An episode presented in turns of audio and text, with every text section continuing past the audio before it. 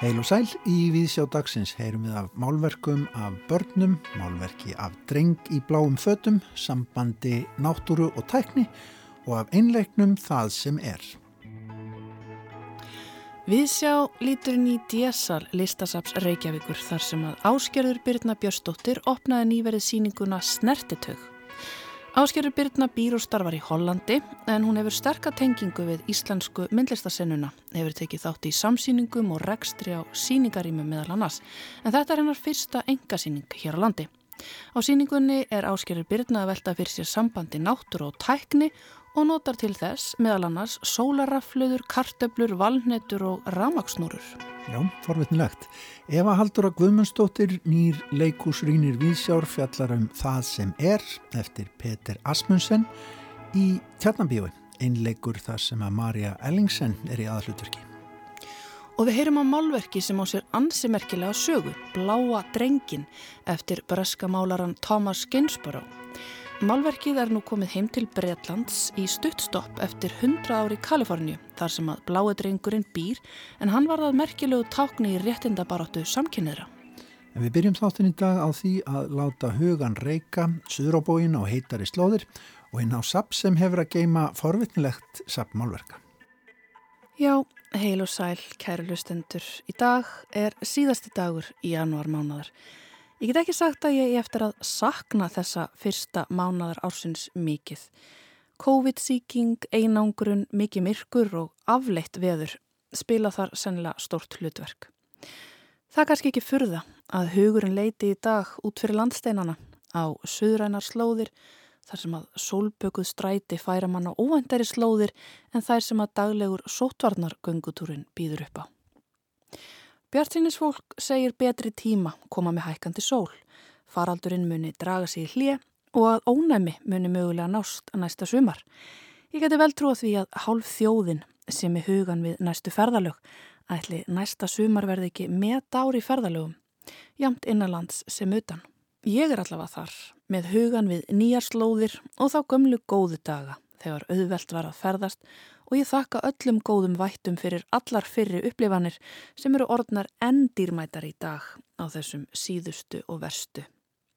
Óvæntar upplifanir á ótróðnum slóðum, lausar við lög og reglur, grímur og spritt og líka kort og GPS ef úti það er farið. Og hugurinn leitar á eitt slikan stað á þessum dimma mánudegi á sapn sem að stendur þar sem að lítill malarslóði endar í förulundi ofan við Littla Vík þar sem að sjórin er heitur. Allavega var hann það daginn sem að ég rampaði á sapnið. Víkin er staðsett á Mæjorka á einum nyrsta otta eigunar og sapnið kallast Sa Bassa Blanca. Það er staðsett í kvítri villu sem að hjón okkur og stopnendur sapnsins Ben Jakober og Jannik Vú festu kaupa á fyrir nokkrum áratugum. Villan var uppaflega fábrótin bondabær sem þau svo umbreyttu í villu sem hefur á sig nokkuð afriskan blæ en það er arkitektinn frá Egiptalandi. Hjónin, sem að eru sjálf listamenn, búa í hlutahúsins en stærstur hluti þess er sapn og í ævintýralegum miðjarðarhafsgarðinum sem umlegur villuna er að finna stóra granítskúltúra í formi fyrðudýra. Sapnið er óvinnilegt og yngu líkt en það er kannski ekki síst staðsetningin sem að gerir heimsokþangað að sérstakri upplifun. Jú, og ein af síningunum sem alltaf er uppi í sapninu en hún samanstendur af sapni málverka sem er eitt af forvitnilegasta sem að ég hef séð. Síningin kallast einfallega börn en á henni er að finna málverk eftir gamla evrópska meistara sem uppi voru á 16. til 19. öld og sem allir máluðu einhver tíman á ferli sínum portrétt af barni. Það er alls ekki svo langt síðan í stóra samenginu að börn urðu hluti af európska málverkinu. Ef frá eru talin trúarleg verk þar sem að Jésúbarnið kemur fyrir, þá er það ekki fyrir neftir endurisnina að börn fara að byrtast í málverkum og þau byrtast ekki sem hluti af hverstasleikanum sem að kemur stertin í málverki á þeim tíma heldur fyrst og fremst í praktískum tilgangi og að sjálfsögðu voru þetta fyrst og fremst prinsar og prinsessur eða önnur mjög hátt sett hefðarbörn. Portrættin í sapninu koma frá hinnum ímsulöndum og tímabilum en eiga það sameinlegt að vera af þessu litla hefðarfólki, litlu manneskjum úr hæstu þrepum samfélagsins. Fyrsta portrættið úr safninu sem að hjónin ygnuðust og sem var upphafið að þessari vekkferð þeirra sem að líkt og flestra safnara er full af ástriðu en líka smá þráhyggju, er verk sem að kallast Stúlka með kissuber. Verkið er málað 1843 af majorkískum meistara Lítil smágerð stúlka í kvítum stutterma silkikjól fyllir upp í flötin en í fjarska má sjá suðrand landslag sem minnir á ítalst enduristna málverk.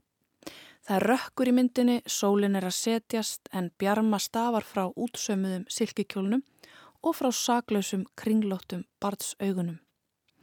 Við sjáum á nær hárlausu höfðinu að stúlkan er ekki mikið eldri en tveggjara en öðru leiti lítur hún út fyrir að vera fullarðin kona sem að hefur kannski verið smækkuð um nokkur númer.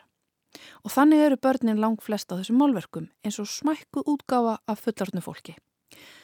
Það er aðeins út frá starðar hlutföllum í samhengi við aðra hluti á myndunum, ávexti, gæludýr eða húsgögn sem sérst að þetta eru litlarmanneskjur.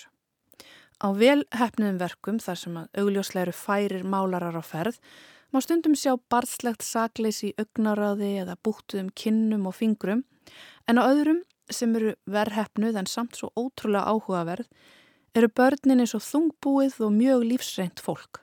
Jafnvel með harsvíraðan manneskjur með þungar byrðar í þungum fötum. Litla majorkíska stúlkan í kvítakjólunum með rauðu kissupirinn var sem sagt upphafið að þessu sapni sem fór stækkandi með árunum Flest öllu verkin er eins og ég saði frá 16. og 17. öld og í þeim er að finna helstu tískusveiflur hyrða Evrópu þess tíma. Það er raunhægt að eða heilum degi í að rína í verkin og skoða smáadriðin í fötunum sem börnin bera. Marglaga kjólar og skikkjur úr útsömuðu silki og blúndum í fögurum litum og sniðum. Flaujalsborðar, silkihúfur, blómakransar og perlusömur ber ekki einungis vott um tískusveiblur og hvernig þær ferðuðust millir hirðana heldur líka auðvitað um endalust óhóf sem verður eitthvað svo mótsagnakent á þessum litlu saklausu manneskjum. Fötin skapa ekki kynið á þessum portréttum. Stúlkur og drengir eru einsklætað öllu leiti en hægt er að greina kynið út frá skartinu því þrátt fyrir að drengir veru hlaðnir allskinn skarti voru þeir ekki með yrnalokka. Stúlkunnar eru aftur á móti alltaf með yrnalokka, oftar en ekki fagurlega skreittum með perlum og eðalsteinum. Eitt portréttið í safninu frá árinu 1710 er af Louis XV og sínir hann í fagurbleikum púfermakjól úr þykku silkikrepp efni. Hálsmálið er vítt með kvítum blúndum í stíl við svunduna sem er skósíði líkt og slaufan sem bindur kjólina aftan. Kvíthárið, eða hárkollan, er uppsett í snúð en hvít fljetta umlikur andlitið. Svona voru öll börn klætt á sama hátt, þar til um sjóraaldurinn, en þá tók hlaðnaður drengjana breytast aðeins, þó ekki mikið. Þeir fóru um það leiti úr kjólum og pilsum og svundum og við tóku buksur. Blúndur, hælar, skart og uppsett hár fór þá hvergi, ekki fyrir að líða fór á átjónduöldina. Annað sem á sjá þessum áhugaverðu portrettum eru hennir ymsu verndargripir en barnadauði var auðvitað hára þessum tímum. Algengt er að sjá hálsfestar og arbönd úr kóral eða jafnvel heila kórala hanga í fötum barnana en kóralar voru taldir verndabörn gegn síkingum og smitsjúkdómum. Tvö portrættana, annað frá 1607 af spænskum konungssonum og hitt frá 1640 af enga sinni úr efstu stjættum, sína drengina bera íburðan mikla kjóla og um mittið bera þeir það sem að kallaðist Cinturón de Lactantes eða mjölkurband. Á böndunum hanga hinnir ymsugripir sem þóttu vernda litla kvítvúðunga gegn ekki bara sótum heldur líka yllum öndum. Kóralar, krossar, bjöllur, ringir, litlar kóronur, dýr, blóm og fjæðrir. Þessi verk voru í fæstum tilfellum hugsuð til að príða hýpili fóreldrana. Svo endalösa aðtikli og aðdáun sem að foreldrar sína börnum sínum í dag þekktist ekki á þessum tímum og síst í hyrðum og efristjættum þar sem að börnin voru mest alla sína æsku í umsjón annara en foreldrana. Flest áttu þessi börn fleiri en eina fóstru og fæst drukku þau mjölk maðra sinna heldur voru í umsjón svo kallara mjölkurmaðra, hvenna sem að unnu við að næra lítil hefðabörn.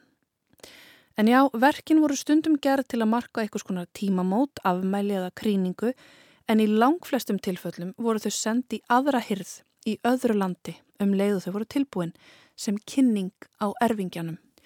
Þannig er þessi verk í raun hluti af risastóru fjölskyldu albúmi hyrðana sem mynduðu bandalög og styrtu valdasamböndi gegnum giftingar erfingjana. Eins konar kynningarefni síns tíma, kynningarefni sem óratími og vinna fór í, enda mikið í húfi, þessar smágerðu manneskjur voru gjaldmiðl inn í aldagamalt valdakerfi. Sem sagt, óvunileg og áhugaverð síning sem verður lítið eitt súrealísk á staðunum sem að hana hefur að geima. Síning sem óhætt er að mæla með á þessum dimma mánudegi ef þið eigið eitt daginn leiðu malarvegi nýrsta hluta þessarar miðarhásegju.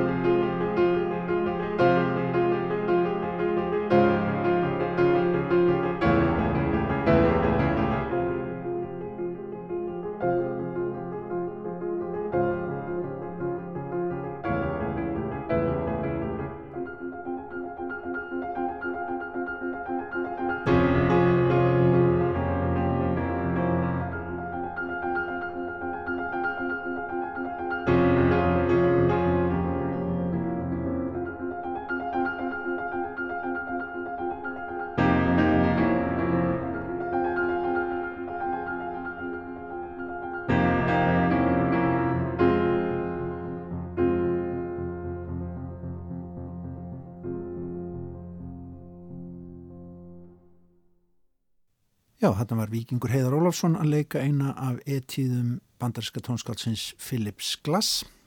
Philip Glass er mitt 85 ára í dag og ég tók eftir því á samfélagsmiðlum að vikingur sendunum Amalis Kveðju í morgun. Gaman að því. En við skulum huga að leiklist. Já, Eva Haldóra Guðmundsdóttir, hún er nýr leikursinir hérna hjá okkur í Vísjá og hún ætlar að nú að taka við. Eva fór að sjá einleikin Það sem er eftir Peter Asmussen í Tjarnabjói sem að Marja Ellingsen flyttur. Heyrum hvernig Eva Haldóra upplýði þessa síningu. Það er ekki oft sem það gerist í leikúsi að áhorfendaskarinn þorir vart að hreyfa sig því hann hangir á hverju einasta orði leikverksins. Í hálf tómum salnum í Tjarnarbíó sátu við saman og sökkuminn í sögu Peter Ásmussen af ástarsambandi hinnar Þísku Renötu og danska mannsins Toms. Verkið Það sem er er einleikur sem fluttur er í formi leinilegra ástabrefa sem Renate skrifar til elskoða síns Toms. Renate er gift kona á tvö börn og býr austan megin við múrin í Berlín og Tom í Danmörku. Á frummálinu heitir verkið Er og er í raun leikur á orðum eða réttar að sagt stöfum því titillin Stittur vísar til DTR en verkið gerist í Östur Þískalandi nokkrum árum fyrir fall Berlínamórsins og fylgir Renötu alltaf 20 árum eftir það. Á tímum DDR og kaldastriðsins einkendist líf fólks af tortrygni, spennu og sveikum. Ég, sem fættist árið 1988, upplöði aldrei þessa gríðarlegu tókstritu og óta sem fyldi kaldastriðinu. Andrumsloft austantjaldslanda er eitthvað sem mín kynsla og lesum í sögubókum. Sögur af personunjóstnum, tilefnislausum handtökum, kjarnorkuvopna og valdabaráttu. Allt gekk út á að búa til ímynd út á við og láta andstæðingin halda að þú væri sterkari og hefði lífans í hendi þér. Í verkinu er þessari heimsmynd ekki einungis haldið á lofti frá pólitískum sjónarhóli, heldur einnig á persónulegum grunni. Verkið gefur manni nefnilega góða insýn inn í lífmannesku sem lifir tvöföldu lífi og eina rýmið þar sem henni leifist að vera hún sjálf er í brefum til manns sem henni er forbóðið að elska. Á daginn leikur hún hlutverk eiginkonunar, vinkonunar og móðurinnar en í brefunum er hún Renate. En áhörvendin verður líka að spyrja sig hvort hann geti raun trúað frásögn Renötu og hvort Tom sé treystandi. Í gegnum verkið efaðist ég oft um eh, hvort bæði hún og Tom væri tröstsins verð. Hvort annað væri heilt í sínu en hitt ekki var líka mögulegi. Uppsetningverksins er eins hrá hún getur verið. Leikonan situr á stól sem stendur á palli með áfastum ljóskosturum sem skiptast á að lýsa upp andlit hennar. Í þessari einlægu síningu fær tekstinn og einstök tilfinningarnamni Marju Ellingsen leikonu að njóta sín til fulls. Hljóðmyndin eftir Ólaf Björn Ólafsson setur sérstakann blæ á verkið. Hljóðbrot sigla fram hjá manni eins og minningar sem maður varla meðtekur en vekur ákveðna skinnjun hjá áhórandanum. Lauginans Ólafs hljóma og virka eins og millibiti til að hreinsa bræðlaugana millir rétta en hér loftaði um hugan og opna hann og vika milli brefana. Búningagerð Filipíu talar vel inn í þá ákvarðin listræna temisins að hafa verkið einn strípað og hægt er. Marja er berfætt og klætt í stóra svarta peysu og svartar buksur. Hún talar af svo mikill í yfirvegun að það gefur tekstanum sem getur verið tiltölla hátíðlegur á stundum, gífurlega einlegni og gerðan persónlegan. Þessi naumhyggja og nánd við leikonuna býr til nánd við verkið og söguna. Það er eiginlega ótrúlegt að í verki þar sem leikonan stendur aldrei upp, varðla hreyfir sig fyrir framann örfá áhrafundur, hafi ég beðið í ofvæni eftir hverju einasta orði og séð endurminningar lipna í lýsingum í brefum reynötu þannig að atbyrðunir stóðu mér ljóslefandi fyrir hauskótt sjónum. Tilfinningarnar sem Marja ljær orðunum með hár fínum blæbriðum rattarinnar eru stórkostlegar. Fingjarðar reyfingar hennar á meðan hún setur dáliða áhærandan og gefa hann tækifæri að komast dýbra inn í verkið og komast inn í högarheimri nötu. Þessi marglaga ástarsaga fær að njóta sín í strípuðu umhverfi og lástendri uppsetningu sem af einhverjum ástæðum gerir verkið virkilega kraftmikið. Ólafi Egilsinni leikstjóra hefur tekist að töfra fram þessa mögnuðu sögu og gefa áhöröndanum færi á að tengja við og speikla sér í verkinu án þess að matan af dramatík og þeim mikilfengleika sem mögulegt er að ná fram í leikúsi Þessi stað nær hann að hrífa mann með því að draga fram kjarnaverksins og leifa honum að standa strípuðum og berum. Við erum aðna saman til að hlusta, heyra, skinja, upplifa og tólka. Sýningin hjælt mér allan tíman og ég gekk út virkilega spennt að komast til að ræðana. Það verður að viðkennast að undirrituð er algjör sökkar fyrir forbóðinni ást og hádramatískum sögum af fólki sem leggur allt í sölutnar til að elska aðra mannesku. Já, ég er hreint útsagt væminn og fell fyrir öllum klísjónum. En þetta verk talar ekki bara til dramatísku dúlunar innan í mér eða spilar með klísjur, heldur er þetta marglega verk sem veldir upp mörgum flóknum spurningum. Það mætti segja að verkið sé episk ástarsaga í minimalískum búningi. Hvar er pláss fyrir ástina og einlagnina í jafn spennu þrungnu umhverfi og einkendi kaldastriðið? Maður getur rétt ímynda sér hversu lítið rými var fyrir manneskjur í einungruðum heimi sem byggir á því að búa sig undir næstur hefingu andstæðingsins. Hvernig er hægt að vera raunverulegur og heiðalegur þegar matreitur er ofan í þig strángur veruleiki, stútfullur af reglum og viðmiðum og refsingum fyrir að standast ekki ákveðnar kröfur? Eru við búin að bú okkur til sjálfheldu þar sem kerfið okkar leifur okkur ekki að vera við sjálf? Hvar likja mörkin millir þess raunverulega og þess ímyndaða og sjálfskapaða? Ég leifi mér að spyrja allara þessara spurninga vegna þess að verkið býður ekki upp á svör. Heldur býður það manni inn í hugarheimir en ötu og við fáum að sjá hana. Algjörlega strípaða af allri tilgerð eða tilþrifum. Við fáum aldrei að vita hvað er satt og rétt. Heldur getur maður einungis áætlað. Áhorfandin tengist raunötu sem mannesku og við tökum henni fagnandi fyrir það sem hún er. Þrátt fyrir að hún sé að halda fram hjá manninum sínum.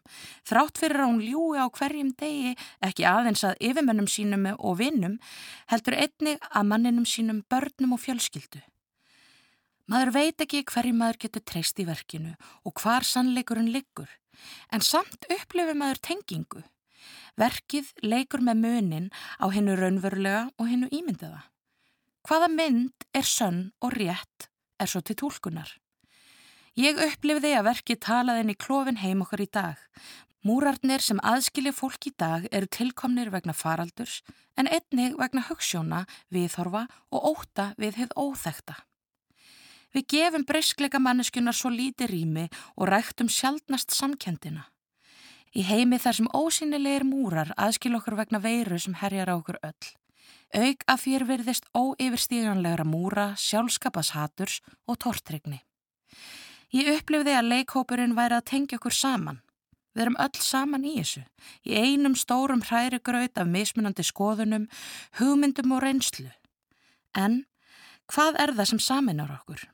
Við erum öll manneskjur. Hvað gerist ef við fellum múrana?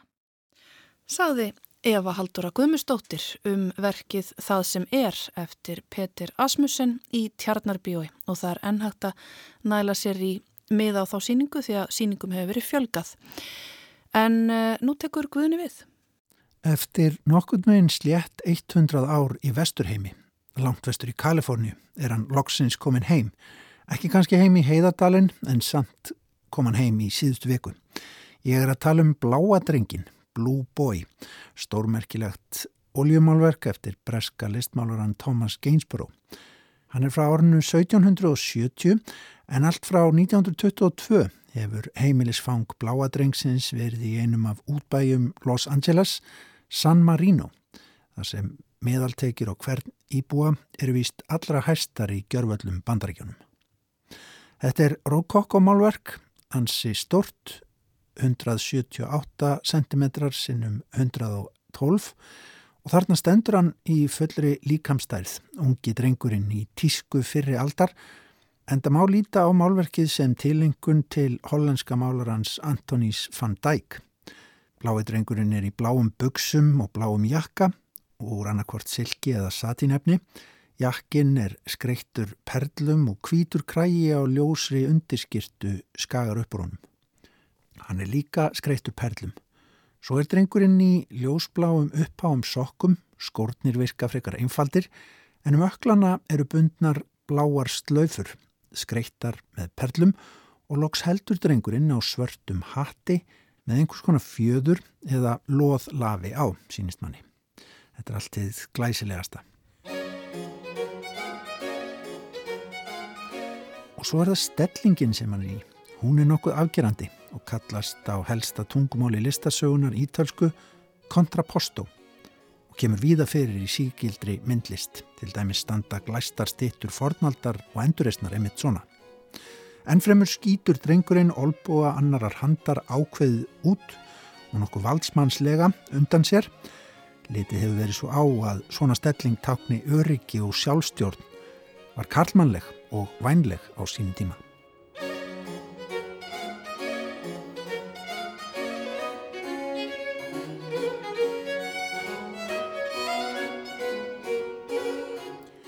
En það er eitthvað í fari drengsins sem að vekur aðtegli. Hann er rjóður í framann, kannski með kynnaleitt, maður veit ekki. Eða kannski nýlega komin inn í stúdíu listamannsins því að verkið er greinlega málað inni þó svo að bakgrunnurinn sé nokkuð myrt landslag þungbúin skí og myrkir skóar. Hann er líka með nokkur rauðar varir en óvíst hvort að á þeim sé litur. Ennið er bjart og hátt, hárið aðeins aftan en endar í dökkum krullum á nakkanum sem aftur gerir að verkum að andlitið virðist aðeins bjartara eins og uppljómað. Mótelið, blái drengurinn í þessu málverki mun hafa verið sýstur svonur listamannsins, Gainsborough DuPont. Hann var sjálfur lærisveit Tómasar Frændarsins í listinni, síðar aðstofamaður á launum, hann átti loks eftir að taka við vinnustofu listamannsins og halda áfram í listinni eftir svipuðum brautum og hann, og vissulega væru hæfileikarnir ekki eins miklir og hjá mestaranum. Á 19. öldinni komst þetta frægamálverk í listaverkarsafn Grosvinor fjölskyldunar Bresku sem heilu torkin og hallirnar í miðborg Lunduna eru kent við. Fjölskyldan var lungin í því að íta undir listrænt mikilvægi þessa málverks. Gestum var hleyftin í húsakinni fjölskyldunar til að berja bláadrengin augum og hann var sendur á mikilvægar síningar, til dæmis norðu til Manchester árið 1857 þar sem hann náði aðtekli fjölmarkra sem ekki voru alvanir því að umgangast slíka dýrgripi úr listasögunni. En síðan á 20. öld fór vitanlega að halla undan ríkidæmi slíkra breskra aðals fjölskeldna og árið 1921 var gengið frá sölu málverksins allalegi vestur til Kaliforníu og þá kom að því að hverja málverkið sem þá var haft sérstaklega til sínis í þjóðalistasafninu við Trafalgartorki London. Í blautum janúarmánuði árið 1922 er talið að 90.000 gestir hafi komið sérstaklega í sapnið til að hveðja drengin í bláa klæðinaðinum sem breska pressan sparaði ekki stóru orðin um þá og var farin að tala um sem fegusta málverk í heimi, takk fyrir. Þá var talað um drengin sem frábært dæmi um hyrðlegan þokka og hvernig stórþjóð tæki sér stöðu með kyrrum virðuleik, óhrætt og án þess að skammast sín fyrir eitt nýn eitt.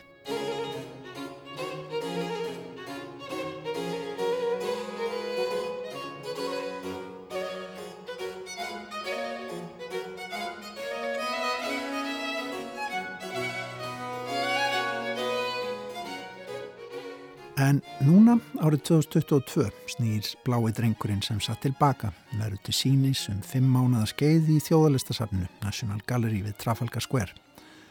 Emitt þaðan sem drengurinn lagði upp í langfærð sína yfir hafið á sínum tíma og breska þjóðin kvatti hann með virtum. Og nú er fjallað um þessa endurkomu bláadrengsins hans Tómasar Gainsborg einn í brest samfélag dagsins í dag sem er að reyna að ná áttum eftir Brexit og veirum. Og í greinum málið á menningarvef BBC er farið í gegnum flokna viðtökusögu þessa málverks bæði á 19. og 20. öld. Þar er talað við Valeri Hedquist, listasöguprofessor við Háskólan í Montana í Bandargjónum sem hefur reytað ídarlega um þetta málverk, Bláadrenginans Tómasar Gainsbrú, sem tákmynd í réttinda baróttu samkynneira. Og þessi viðtökusaga er stórmerkileg þegar til kemur. Upphaflega var málverkinu fyrst og fremst ætlað að sína fram á hæfni listamannsins en svo tóku viðtökurnar við og þróuðust án aðkomu hans auðvita. Um 1770 þegar Gainsborough málaði verkið sem eins konar tilengun til hins hollandska Van Dijk var bláidrengurinn einhvers konar tákmynd fyrir görfulegan og eigulegan eiginmann og föður með vísun í áðurnemdar pælingar um stellingu unga drengsins. En svo kom nýjöld, svo 19. 30 árum eftir að málverkið var málað og á henni fóru viðtökurnar við þessu fræga málverki að breytast nokkuð. Áðurnemd Valeri Hedquist, listasjóðuprofessorinn í Montana, segir að málverkið hafi í raun bóðið upp á einhvers konar leik og fljótlega fóru leikarar, oftar en ekki stúlkur, að skjóta upp kolli sem bláir geinspur og drengir í svo kulluðum pantomæn síningum, eins konar söng og dansleikja síningum þess tíma, þar sem nokkur kynaustli ríkti oftar en ekki. Til eru ljósmyndir af skáldinu Oscar Wilde frá nýjunda áratug 19. aldar þar sem hann klæði sig upp í gamaldags klæðnað, nokkuð yfirdrefin fyrir hans eigin tíma. Ég ætt við það sem að blái drengurinn klættist á málverkinu og stilli sér líka upp í nákvæmlega sömu stellingu og drengurinn ungi. Nokkrum árum síðar var skáldinu stungi í steinin fyrir kynvillu sína.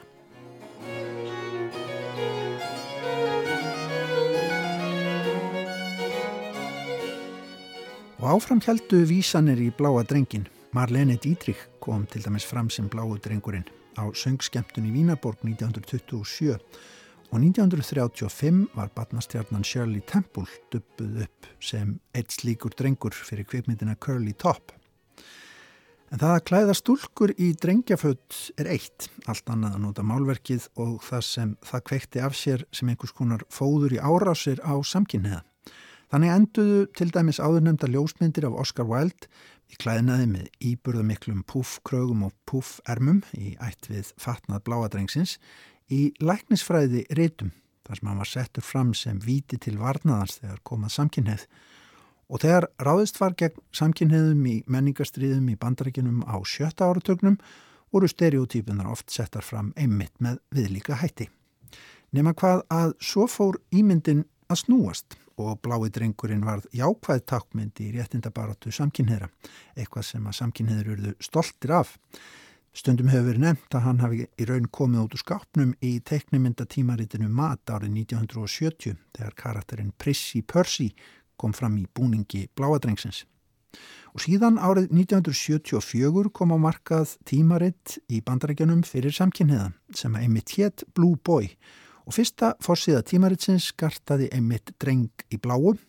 Það var ungur boksari frá Ohio með ljóst sítt hár, engil fríður, sem hann stilti sér upp nákvæmlega eins og drengurinn á málverkinu, var klifturinn í landslæðið á málverkinu með gildum ramma í kring og öllu tilherrandi. Nefna hvað að drengurinn var ekki neinum buksum.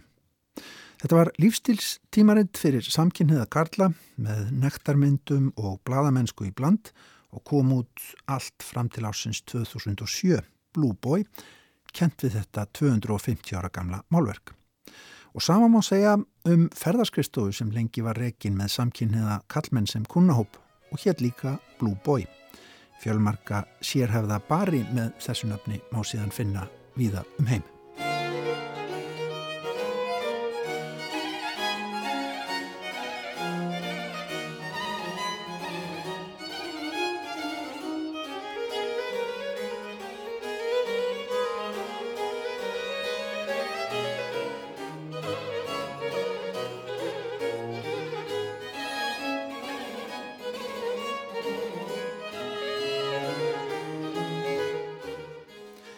Blái drengurinn eftir Thomas Gainsborough er stert tákn í réttindabaráttu samkynneira 250 árum eftir að verkið var málað, segir Valerie Hedquist, listfræðingur í samtali við BBC Culture veðmeðlinn. Nú þegar blái drengurinn snýr aftur heim í fimm mánuði, hafa vist settur upp í National Gallery í London í síðustu viku. Á vefsíðu Sapsins er talað um að breskum almenningi gefist ekki tækifæri nema einu sinni og öll að sjá þetta mistarverk á heimavelli. Talað er um að blái drengurinn standi fyrir allt það besta sem bresk list átjónduhaldar hafði að geima, stórkoslegt svar við mistarverkum hollenskrar myndlistara og eldinni á undan. Og áhrif myndarinnar eru vissulega mikil. Hún hefur þannig komið fyrir í tveimur Batman myndum, svo eitthvað sem nefnt, þeir eru frá 1989 og Joker frá 2019. Og Í kvikmyndinni Django Unchained eftir Quentin Tarantino klæðist Jamie Foxx einmitt slíkum klæðnaði í einu atriðana. Hann er Blue Boy. Bein áhrif á listasöguna eru líka ríkuleg. Bandaríski listmálurinn Robert Rausenberg talaði til dæmis um að málverkið hefði haft áhrif á ákvörðun sína um að leggja listina fyrir sig og listmálarinn Kehinde Wiley sem að fekk til dæmis það hlutverk að mála ofinbert málverk af Obama Fosseta eftir að Fosseta tíð hans laug hefur líka talað um mikil áhrif verksins á einlist. En sem sagt, ef einhver er á leiðinni til London þá er blái drengurinn hans Thomasar Gainsbourg, þetta merkilega málverk, í National Gallery við Trafalgar Torg næstu fjóra mánuði.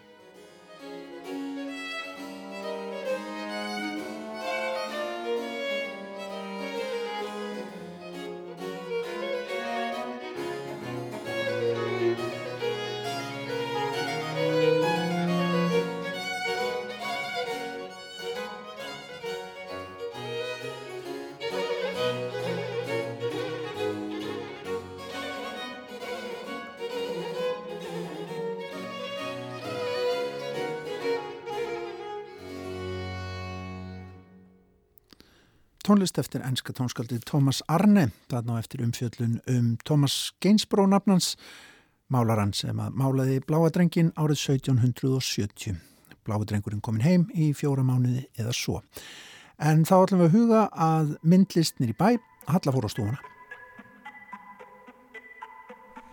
Jæja, ég er komininganir í miðbæ, listasafn Reykjavíkur, mætt í Díasal þar sem að hún áskerður Byrna Björstóttir var að opna nýja síningu.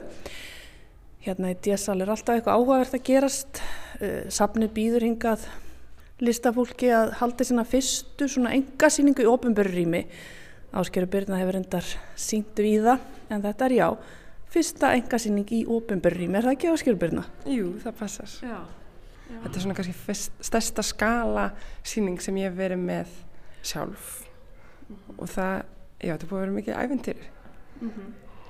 Þú ert hér stutustoppi, byrði í Hollandi, mér langar aðeins að fá að heyra svona bara af þér áður en við byrjum að ræða þessa síningu, snúrurnar hérna sem umlíkja okkur, það er mikið í gangi hérna, ég hlaka til að fá að heyra hvað er að gerast. Hvað hérna, þú lærðir í Hollandi, segð mér að svona frá þinni vegferð þar. Já, ég fór sagt, til Hollands í bachelornám í Gerrit Rietveld Akademi í Amsterdam og ætlaði mér nú kannski ekki endilega að sittast þar að þegar ég fór út en, hérna, en ég kláraði uh, bachelorpróf þaðan 2016 og hefur hérna bara búið þar síðan og verið starfandi myndlistamæður um, bæði þar og hér þannig ég svona hoppa svolítið fram og tilbaka kannski minna undarfarn ár uh, sögum heimsfæraldurs en, en mér finnst þú að gott að geta svona sótt í báðastæði mm -hmm. Emmi, þú verður duglega að koma hérna og sína með öðru fólki. Finnst þið mikilvægt að koma heim og svona halda tengslanum hér? Já, algjörlega. Ég tengi mjög stert við íslensku myndlistasenna og það sem er í gangi hér og, og finnst voðalega, einmitt, já, gott að koma heim og sjá hvað er í gangi og taka þátt og, og finn fyrir svona miklu, já, mjög inspirerandi sko, að koma heim í sérna henga. Þú líka tekið þátt í hann, virkan þátt, þú hefur verið að hérna, taka þátt í hátíðum og reyka rými, segð mér að svo því líka. Já, ummitt, ég hef ég verið að reyka rými, ég er að rými í tvö árið í Amsterdam á samt sex öðrum listamannum sem hétt At Seven. Og það var mjög, mjög skemmtilegt líka og mjög svona, um, já, spennandi tími við það sem við kynntumst rosalega mikið, fólki gekk mikið á, heldum síningar í hverjum einasta mánuði. Uh, og svo hef ég líka verið að reyka hérna heima svona hálfgerða listaresidensi sem heitir Laumilistasamstipan eh, og er svona já, eiginlega bara líka kollektív og hópur af fólki sem vinnum mikið saman og, og förum árlega sagt, í Rísei í eigaferði og, og einum þar tíma saman og vinnum að svona sameilu verkefni mm og bara snýst aðalega um samvinnu og svolítið að vika út um, svona sjónarsvið innan, -hmm. innan listar og myndistar mm -hmm. Hvernig kom Rísei til sögunar áttur? Já, það er í rauninu bara fjölskyldu saga sko. Fjölskylda mín er búin að eiga, eða taka þátt í að eiga uh, sumarhús í Hrísei bara síðan áður en ég fættist. Þannig að ég faraði ánga árlega síðan ég mann eftir mér mm. og svo hérna með uh, tveimu vinkunum Helena Alstinsdóttir og Örnum Marju Kristjánsdóttir ákveðu við að, að svona, okkur langaði svo að nýta þannan stað, okkur fannst það náttúrulega svo heillandi og að, þar eru búin að koma til mín og, og finna svona fyrir kraftinum sem býr þarna í Hrísei og það er óbúslega mikill sköpunarkraftur sem er þar og sérstakt að vera þar og bara svona út frá því ákveðu við að setja, já, búa, búa til þetta þetta svona skringi fyrirbæri sem leimilistamstöfan er og bara einhvern veginn þróaðist sko sjálft svolítið. Og sem laumast svona inn í vittir hverstasleikan þeir voru með útastöð, er það ekki? Jú, það passar, við verið með útastöð og við hefum verið með vikulanga kaffepásu í nýlastasafninu og, og svona ímiðslegt skrítnar upp á komur mm -hmm. Nú þegar við erum hérna að spjalla þá heyrum við í strömbreyti, það er smá læti hérna við og við, Já. viftan er eitthvað að segja til sín. Eða ekki að hérna, með langs að fá að heyra af þessu verki hér sem að umleikur okkur í þessum sal, þessum kvítasal sjáum við hérna bláan svona snúru skó eiginlega og greina sem halda hann uppi. Þú verður bara að, held ég að lýsa þessu, þetta er í rauninni einhvers konar ferðalag hérna. Já, það passar. Það má ég segja að ferðalagi byrji sko fyrir utan gluggana í DSL og glugganir þrýr sem eru í þessum sal hafa ekkert neginn orðið svona svolítið kjarnapunktur síningarinnar um, og fyrir utan tvo af þessum gluggum eru sólarselur sem skikja svona á glugganum að sér það á einum gluggana þegar maður horfir út Um, og innan úr glukkanum koma svo snúrur eða ramagsleðslir sem tengjast úr sólasælunum og, og mynda þennan skó sem við talum eftir endurlöngnum vegnum hérna í DSL og þar eru snúrur sem að, já, eru svona hengjast á, á málumskultúra sem eru uh, greinar, mm -hmm. afsteipur af grein. Mm -hmm. Og það er, má ég lega segja að það sé rafmagnir sem er að ferast inn um rýmið á eftirvegnum og eftir rýminu endur löngu og fer hérna í rafgeima í hinum endanum á rýminu og svo er sagt, skjám stungið samband í þessar rafgeima þar sem að videoverk er spilað. Mm -hmm. Einmitt. Og videoverkið sem sagt ræðst af því bara hver orkan er í salnum og er sem sagt að breytast allan daginn. Já, það, þessi sagt, þetta vídeo er um, gagvirt og, og virkar þannig að það er á hvernig núlstillingu þegar það er, þegar það er dimt eða engin orka til staðar en með leið og, og sólasalinnar e, eh, fara að ná einn orku og þá hefur það bein áhrif á hvað og hvernig um, efnið í vídeoinu spilast. Mm -hmm. Og einmitt núna er svona sólinn rétt að koma upp Já. og lítið fara að tekka inn í dagspyrtunni þannig að það sem við sjáum á skjánum eru þetta eru í rauninni eh, valnettur og kartablur sem eru að, að fljóta svona um rýmið, að rulla um rýmið og ég hugsaði þetta í rauninni frekar en kannski endilega vídeo, hugsaði um að þetta er svona stafrand lag í rýmunu að því að, að því að vídeoið er gert þannig að það er teiknað upp í rýmunu sjálfu þannig að fyrsta sem við gerum er að teikna salin og svo láta þessa hluti rulla um salin sjálfan og ég hugsa skjána í rauninni meira sem eins og glukka inn í þann hluta af síningunni. Og þessir stafrænu hlutir eru sérst hérna að rúla um rýmið og einmitt núna er þeir mjög rólegu rúli og, og svona það er lágt byrtusti á skjánum og það er svona, já, róleg stemming, myndi ég segja. Þetta er allt saman mjög tæknilegt en, en, hérna, en samt mikil náttúra um leið. Það er rauninni tæknin sem er að búa til náttúruna. Já, eitthvað svoleiðis og náttúrann sem býr til teknina á móti sko. Þannig að mér finnst svona svo hliðsta er svolítið svona kjarni hérna og þessar, þessar kartablur og valnettur sem eru hérna stafrænt mm -hmm. á hreyfingu um það er svona spiklast svo í, í alvöru kartablum og valnettum sem má sjá hinum einir í munu í skuldurum um, þar sem að kartablur og valnettur eru að byrja að spýra í litlum ílátum hér og þar mm -hmm og hugmyndin er svolítið að síningin hún vex og dafnar með hækkandi sól og bæði skuldurarnir og, og vídeoverki, stafræna hliðin og svona áþreifanlega hliðin þau, þau vaksa bæði með og dafna. Mm -hmm. Þú ert hérna að velta fyrir þér sambandi, já, náttúrunar og tækninar, gerir ráð fyrir og hvernig tæknin og þá náttúrun hefur áhrif á líf okkar og svo tilbaka aftur eða hvað? Já, einmitt og kannski svolítið sitja þetta allt í sama heimar og svolítið hægt með að taka þessar hluti í sundur einhvern veginn að hugsa um það sem er óbærslega aðskilna mm -hmm. hluti uh, og mér langaði líka bara einhvern veginn að þú veist líka bara hefði hugsaði svona um hvernig síningu mér langaði að gera, mér langaði til þess að gera síningu sem myndi taka uh, svona taka miða því sem er í gangi fyrir utan salið, fyrir utan rýmið mm -hmm. og, og sérstaklega kannski á þessum sérstaklega tíma á Íslandi sem þetta tímabil er sem að hver mínúta í dagsljósi skiptir svo óbærslega miklu máli fyrir alla lífverður að, að svona, já það, það er svo sterkt, það er svo sterk tilfinning á þessum tíma ás hérna. Þetta er svona einn dimmasti dagur ársins, það er mánudagur, það er síðasti dagur í januar, það er engin byrta út við verðum bara að veikina og valnetunar og kartaflunar það er rétt sílast áfram, við erum kannski svona daldið í takt við þær í dag. Já það passar, maður finnur fyrir orkunni sjálfur.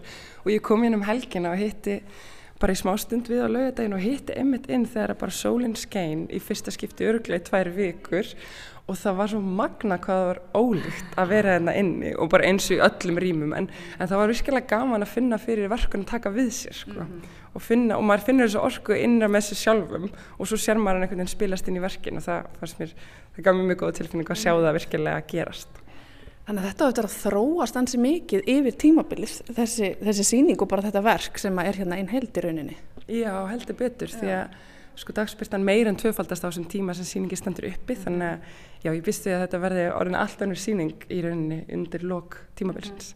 Það verður gaman að sjá.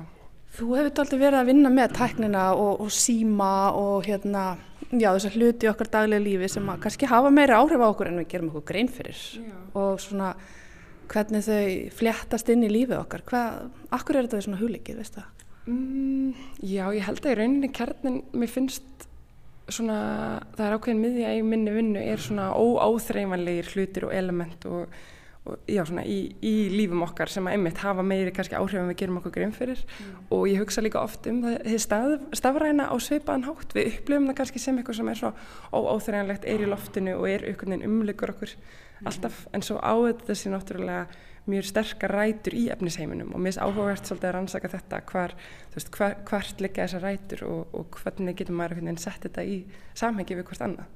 Einmitt. Einmitt og þessar stafrænu tæknilegu rætur, það verður eitthvað svo augljóst hér hvað, hvað þær eru sko í rauninni, já, koma auðvitað beint frá náttúrunni. Já, einmitt. Já, akkurat.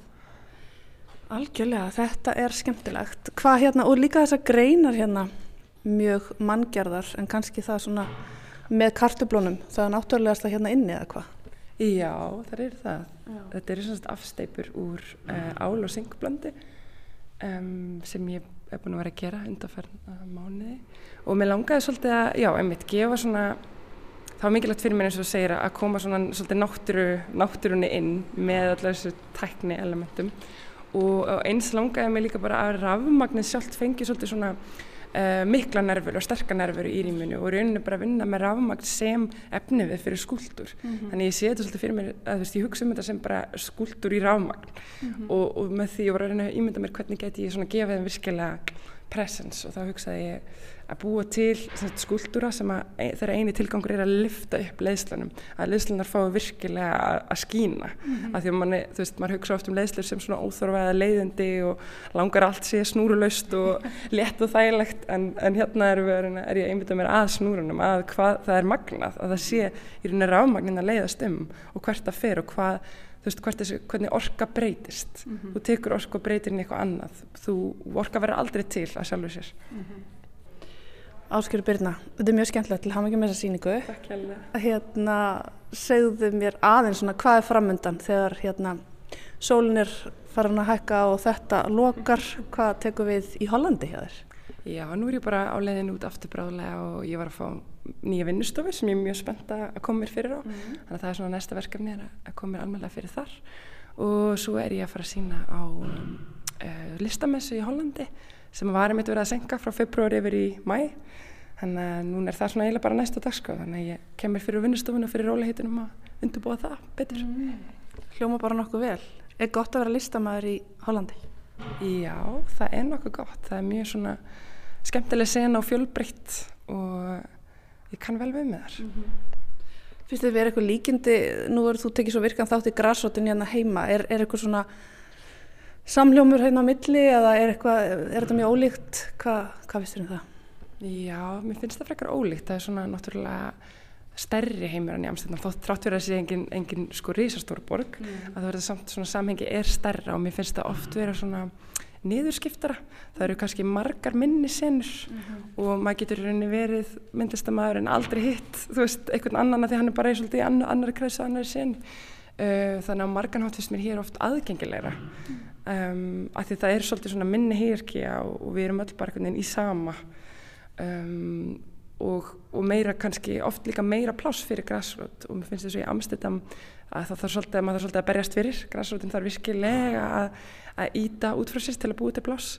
Líka því það er svo mikið húsnæðiskortur og, og svo leiðis en það sem er skemmtilegt við það er í borgunum í kring er, er líka mjög, og græsrótin mjög sterk þar eins og í Hag og Rotterdam. Mm -hmm. og virkilega gaman að fara þanga líka og fylgjast með svona eins og smerri rýmum og listamannaregnum rýmum og, og svo leiðis mm -hmm og í Amsterdam er kannski meira svona eh, þessi gallerísena og sapnasena og þú veist, hún er náttúrulega mjög stór og mjög virk. Mm -hmm. Gaman að heyra Áskjörður Byrna Björnstóttir, takk fyrir að fara hérna á hraðferðum þess að síningum með mér og hérna njóttu dagsins, við vonum að verða aðeins bjartari og hérna skúldornir takja aðeins við sér hérna, hver veit? Hver veit, takk fyrir komuna. Já, takk fyrir þetta Áskjörður Byrna Við erum komin að leiðalokum í dag, við ætlum að enda þáttinn hér og eh, reyndar alltaf að enda á lægi í dag. Já, við skulum bara hvaðja þennan janúar mánuð með stæl, eh, ekkert vera að hressa þetta við alveg strax. Þetta er Bonnie Prince Billy með lægið I See Darkness. Takk fyrir samfélgin í dag á getur lustendur. Verið sæl. Verið sæl. Well, you're my friend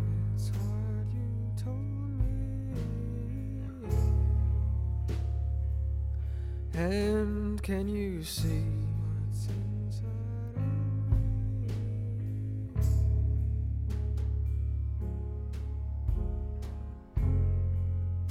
Many times we've been out drinking, and Many times we've shared our thoughts.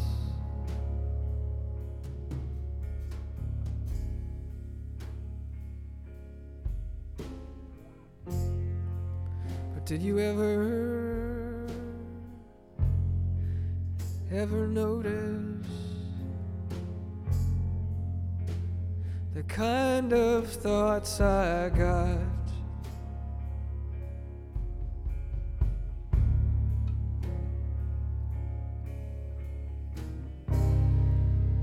Well, you know I have a love, a love for everyone I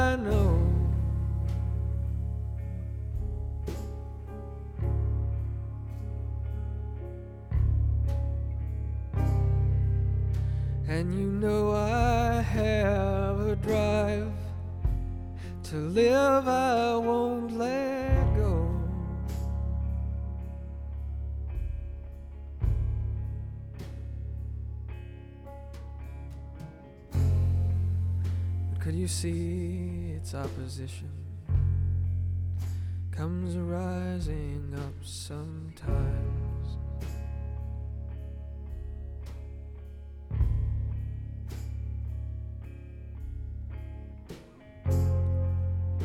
That it's dreadful and position comes blacking in my mind.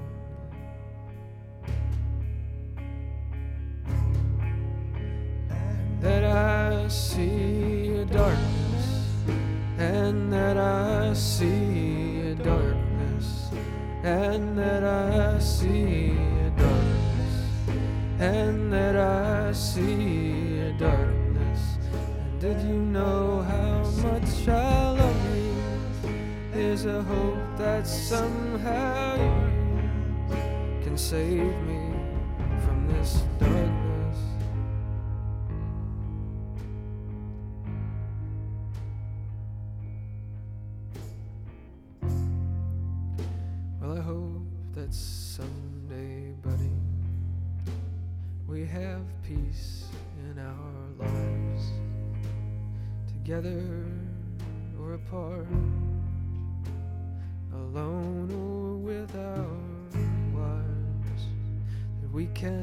Stop our whoring and pull the smiles inside and light it up forever and never go to sleep.